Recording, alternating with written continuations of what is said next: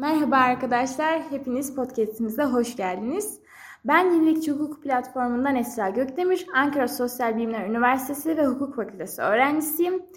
Bugün yanımızda Bilişim ve Teknoloji Hukuku Ana Bilim Dalı Başkanımız Merve Ayşegül Kulular İbrahim hocamız var. Merhaba hocam, hoş geldiniz. Hoş bulduk. Nasılsınız, iyi misiniz? İyiyim, sağ olun siz. Ben de iyiyim, çok teşekkür ederim hocam. Öncelikle şunu demek istiyorum. E, reddetmeyip gel yani reddetmeden geldiğiniz için, kırmadığınız için çok teşekkür ederim kabul ettiğiniz için de. Ne demek benim için bir zevk. O zaman sorumluluğumla başlıyorum hocam. Evet, teknolojilerin hızla geliştiği bir çağda yaşamaktayız. Bunun sizce hukuk alanına etkileri nelerdir? Şimdi önce teknoloji ile e, bilişim teknolojilerinin e, farklı kavramlar olduğunu bir belirtmek istiyorum. Teknoloji dediğimiz zaman antropolojide insanların yaşamlarına, üretime, katkı sunmaya, katkı sunmaya yönelik olarak buldukları, icat ettikleri, geliştirdikleri her yeni aleti biz kastediyoruz. Bunlara teknoloji diyoruz. Halbuki bilişim teknoloji dediğimiz zaman internetin gelişmesiyle ortaya çıkan e, ağlar üzerinden verilerin depolandığı ya da bilgilerin iletildiği, işlendiği yani bilgisayarların temel olarak kullanıldığı, yapay zekanın kullanıldığı bir teknolojiden bahsediyoruz. Dolayısıyla ve bu e, bilişim teknolojileri devasa bir hızla büyüyor, gelişiyor, sürekli olarak yenileniyor. Bizim öngöremediğimiz çok farklı bir e, gelişim hızı kaydediyor. Sonuç olarak biz e, hukuk alanına etkilerinden bahsedecek olursak bu teknolojik gelişmelerin e, hukuk alanı ne yazık ki bu teknolojik gelişmelere yönelik e, düzenleme yapmakta e, geride kalıyor. Bu sadece bizim hukukumuz için değil, sadece Türk hukuku için değil, hem diğer devletlerin e, hem ulusal hukukları hem de uluslararası organizasyonlar için e, söz konusu bir durum. Yani e, bir şekilde bu e, bilişim teknolojilerindeki gelişmelerin e, son derece büyük bir ivme ile e, devam etmesi, ilerlemesi nedeniyle ne yazık ki hukuk e, bu teknolojinin gerisinde kalıyor. E, biz e, hukuk alanına e, etkilerinden bahsedecek olursak bu gelişmelerin e, hukuki düzenlemelerden bahsedebiliriz. E, mesela e, hukuk alanları, e, hukuk alanı olarak ticaret hukukundan bahsedecek olursak, bilişim teknolojilerindeki gelişmeler sonucunda e, biz de hukuk alanında e, yeni düzenlemeler yapma yoluna gidiyoruz. Gerek mevcut kanunların değiştirilmesi, e, bilişim teknolojileri sonucunda e, hem uygulamaya uygulamada görülen e, bilişim teknolojilerindeki gelişmelerin uygulamaya yansımaları konusunda e, hem e, doktrine yansımaları konusunda e, oluşan tartışmalardan yola çıkarak e, gerek uluslararası düzenlemelerden yola çıkarak e, kanun koyucu e, ya e, mevcut e, kurallarda, kanunlarda değişikliğe gitme yahut da e, eğer bu da sorunu çözmede yeterli olmayacaksa bilişim teknolojilerinin hukuk e, güncel yaşamımızda oluşturduğu sorunları e, çözümünde e, yeterli olmayacaksa o zaman e, yeni kanuni düzenlemelere e, gidiyoruz. Mesela e, bilişim teknolojilerinin artık gelişmesiyle görüyoruz e, elektronik ticaret e, söz konusu olmaya oldu ve bu e, elektronik ticaret de mevcut e, ticaret kanunundaki düzenlemeler e, elektronik ticarette karşılaşılan sorunların çözümünde yetersiz kaldı. E, dolayısıyla artık yeni bir düzenleme yapılması gerekti ve elektronik ticaretin düzenlenmesi hakkında kanun 65-60 sayılı kanun e, söz konusu oldu. Yine benzer şekilde e, görüyoruz e, özellikle sosyal medya hesaplarında yahut da e, internetin gelişmesiyle, e, teknoloji, bilişim teknolojilerinin gelişmesiyle yine e, çeşitli içerik paylaşımlarında e, kişisel verilerin e, korunması gündeme geldi ve e, bu nedenle de mevcut kanunlarımızla e, işte gerek medeni kanunumuz olsun, bu 24. E, madde ve devamı kapsamında e, kişilik haklarının korunması bağlamında e, kişisel verilerin korunması, kişisel veriler ve yeterli korunma sağlanamadığı için kişisel verilerin korunması hakkında kanun yapılması gerekti. 66-98 sayılı kanunumuz bunun gibi bu tür teknolojik gelişmelerin hukuk alanına etkilerini biz hukuki düzenlemelerden e, takip edebiliyoruz. Ya da yine internet alanındaki temel kanunumuz olan 56-51 sayılı e, internet ortamında yapılan yayınların düzenlenmesi ve bu yayınlar yoluyla işlenen suçlarla mücadele edilmesi hakkında kanun dan bahsedebiliriz. Bunun dışında dediğim gibi teknolojik gelişmeler, bilişim teknolojilerindeki gelişmeler sürekli devam ettiği için bu gelişmelerin neden olduğu sorunların çözüm, sorunların hukuk aracılığıyla çözülmesi için bu gelişmeler devam ettikçe sorunlar ortaya çıkıyor ve bu sorunların çözümüne yönelik biz de yeni mevzuat çalışmaları ile e, çözüm bulmaya çalışıyoruz. Mesela yine bu yeni mevzuat çalışmalarına örnek verecek olursak e, yalan haber konusunda e, yapılan mevzuat çalışmaları ya da e, sosyal medya e, ile ilgili olarak yine mevzuat çalışmaları e, devam ediyor. Yani dolayısıyla e, bilişim teknolojilerindeki gelişmelerin avantajları olduğu gibi dezavantajları da oluyor ve bu dezavantajlarının da çözümünde e, hukuk devreye giriyor. Ve dolayısıyla bu bilişim teknolojilerindeki gelişmelerin neden olduğu problemlerin e, çözümünde e, gerek mevcut kanunlarda değişiklik yapılarak, gerek yeni kanunlar e, çıkarılarak çözüm bulunmaya çalışılıyor. E, ve bu da e, sürekli olarak devam eden e, bir e, e, bir e, süreç diyebiliriz biz. Yani teknoloji, bilişim teknolojilerindeki gelişmeler devam ettikçe bunların biz hukuka yansımalarını görmeye devam edeceğiz. E, dediğimiz gibi şu anda da yalan haber ve e, sosyal medyaya yönelik mevzuat çalışmaları da e, işleyen e, süreçte ki örnekler olarak karşımıza çıkıyor. Teşekkür ederim hocam. Çok güzel cevapladınız. Gerçekten çok tatmin oldum. Yani gerçekten anladım. O zaman diğer sorumuza geçiyoruz. Günümüzde hızla artan siber suçlar için sizce hukukun yetkinliği ne düzeyde? Şimdi siber suçlarla ilgili olarak e, şuradan ben e, alayım konuyu. E, suçlarla ilgili olarak e, bizim genel olarak hukukla amaçladığımız e, durum e, bu suçların işlenmesine engel olmak. E, dolayısıyla e, şöyle diyebiliriz biz e, ceza hukukunda e, bir e, önleyici e, tedbirler söz konusu olabilir. Bir de tazmin edici yahut cezalandırıcı dediğimiz e, bu şekilde e, yaptırımlar söz konusu olabilir. Şimdi asıl e, hedefimiz, asıl amacımız önceden önlemek. Yani o suç işlenmeden önce önlemek.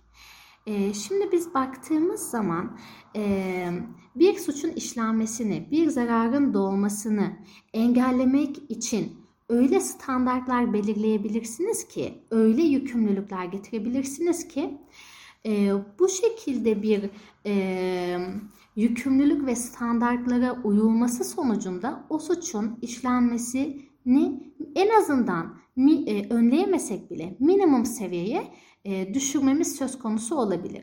Tabi bunun olabilmesi için de o standartların belirlenebilmesi, yükümlülüklerin belirlenebilmesi için o suçu çok iyi tanımamız gerekir. Ne demek istiyoruz? Demek istiyoruz ki suçun hangi şekillerde işlenebileceğini, yapısını, unsurlarını, kimler tarafından, ne zaman, nasıl işlenebileceği gibi o suçun tüm varyasyonlarına hakim olmamız gerekir ki biz bu hakim olduğumuz bilgi ve tecrübeler kapsamında standartları belirleyebilelim ve bu standartlara uyulması sonucunda da suçun işlenmesini minimum seviyeye düşürebilelim. Ancak daha önce de dediğimiz gibi bilişim teknolojileri devasa bir hızla gelişen, öngörülmesi neredeyse mümkün olmayan çok yeni bir alan ve geliştikçe de farklı farklı durumların e, ortaya e, çıkmasına neden olabilen bir alan.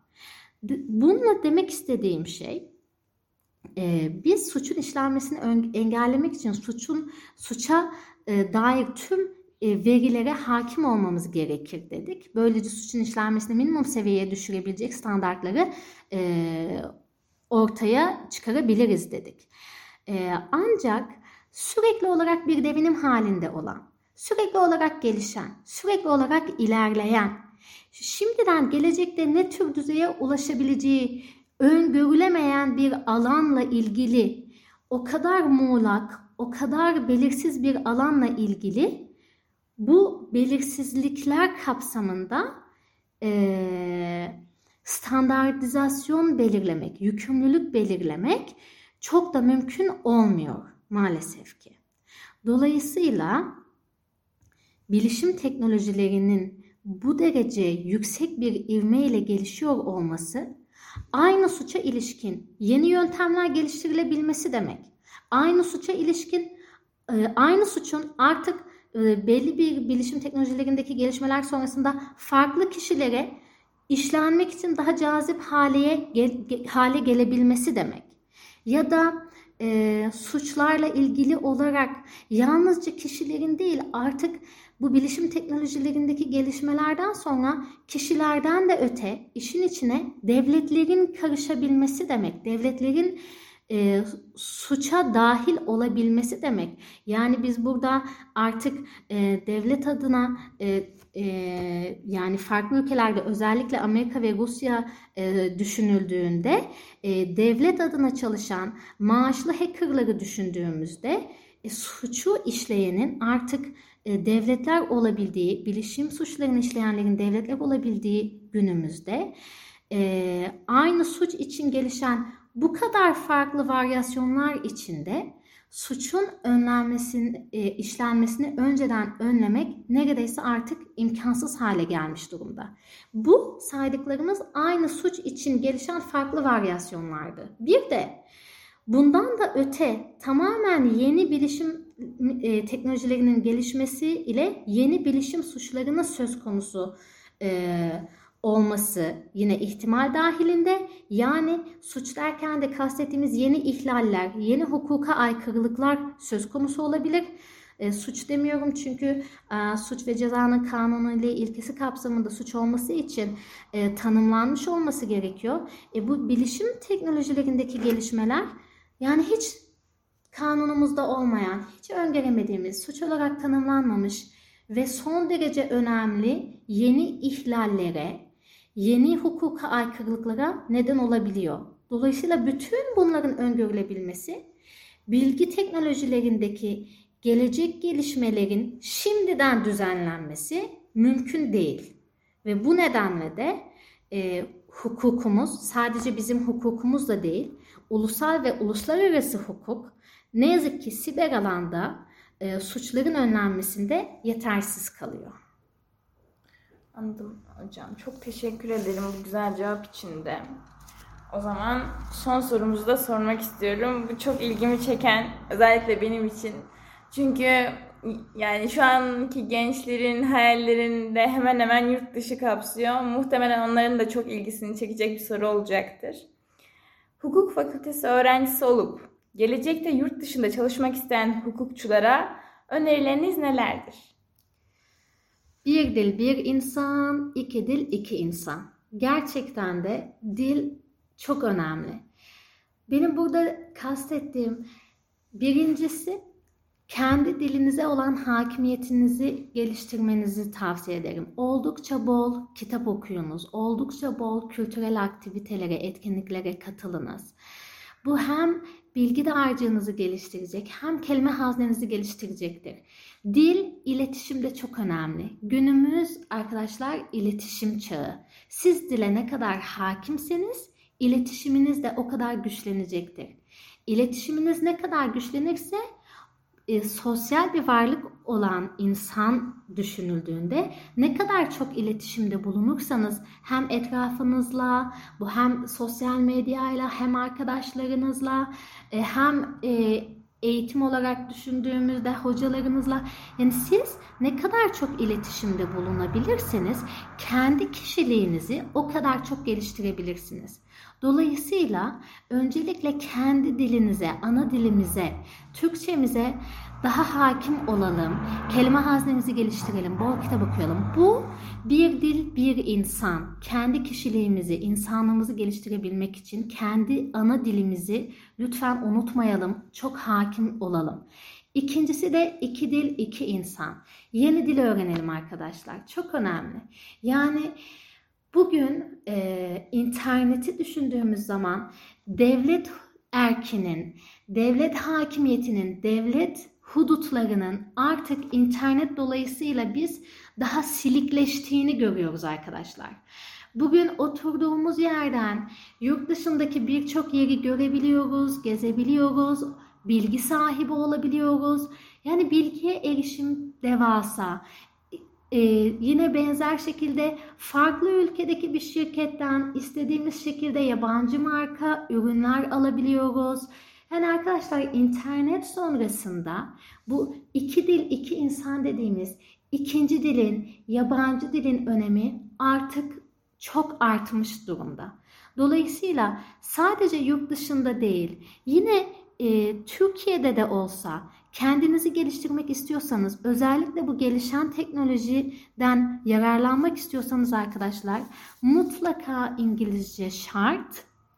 İngilizceden başka da ilginizi hangi dil çekiyorsa, hangi kültüre ilgi duyuyorsanız, hangi alana yönelmek istiyorsanız, hangi alanda uzmanlaşmak istiyorsanız ona göre İngilizcenin yanında bir dil daha mutlaka öğrenmeniz gerekiyor arkadaşlar. Yani günümüzde artık e, bilgi demek birazcık da işte dil demek. Dile ne kadar hakimseniz bilgiye de o kadar hakimsiniz arkadaşlar. Teşekkür ediyorum. Ben teşekkür ederim hocam. Özellikle yani katıldığınız için bu güzel anı bize yaşattığınız için çok teşekkür ederim. Bu sohbetten o kadar çok zevk aldım ki gerçekten çok teşekkür ediyorum tekrardan. Ben de çok memnun oldum. Ee, herkese başarılar diliyorum. Ee, kendinize iyi bakın. Dil öğrenmeyi unutmayın arkadaşlar. Türkçenizi de asla bırakmayın. Hoşçakalın arkadaşlar. İyi günler.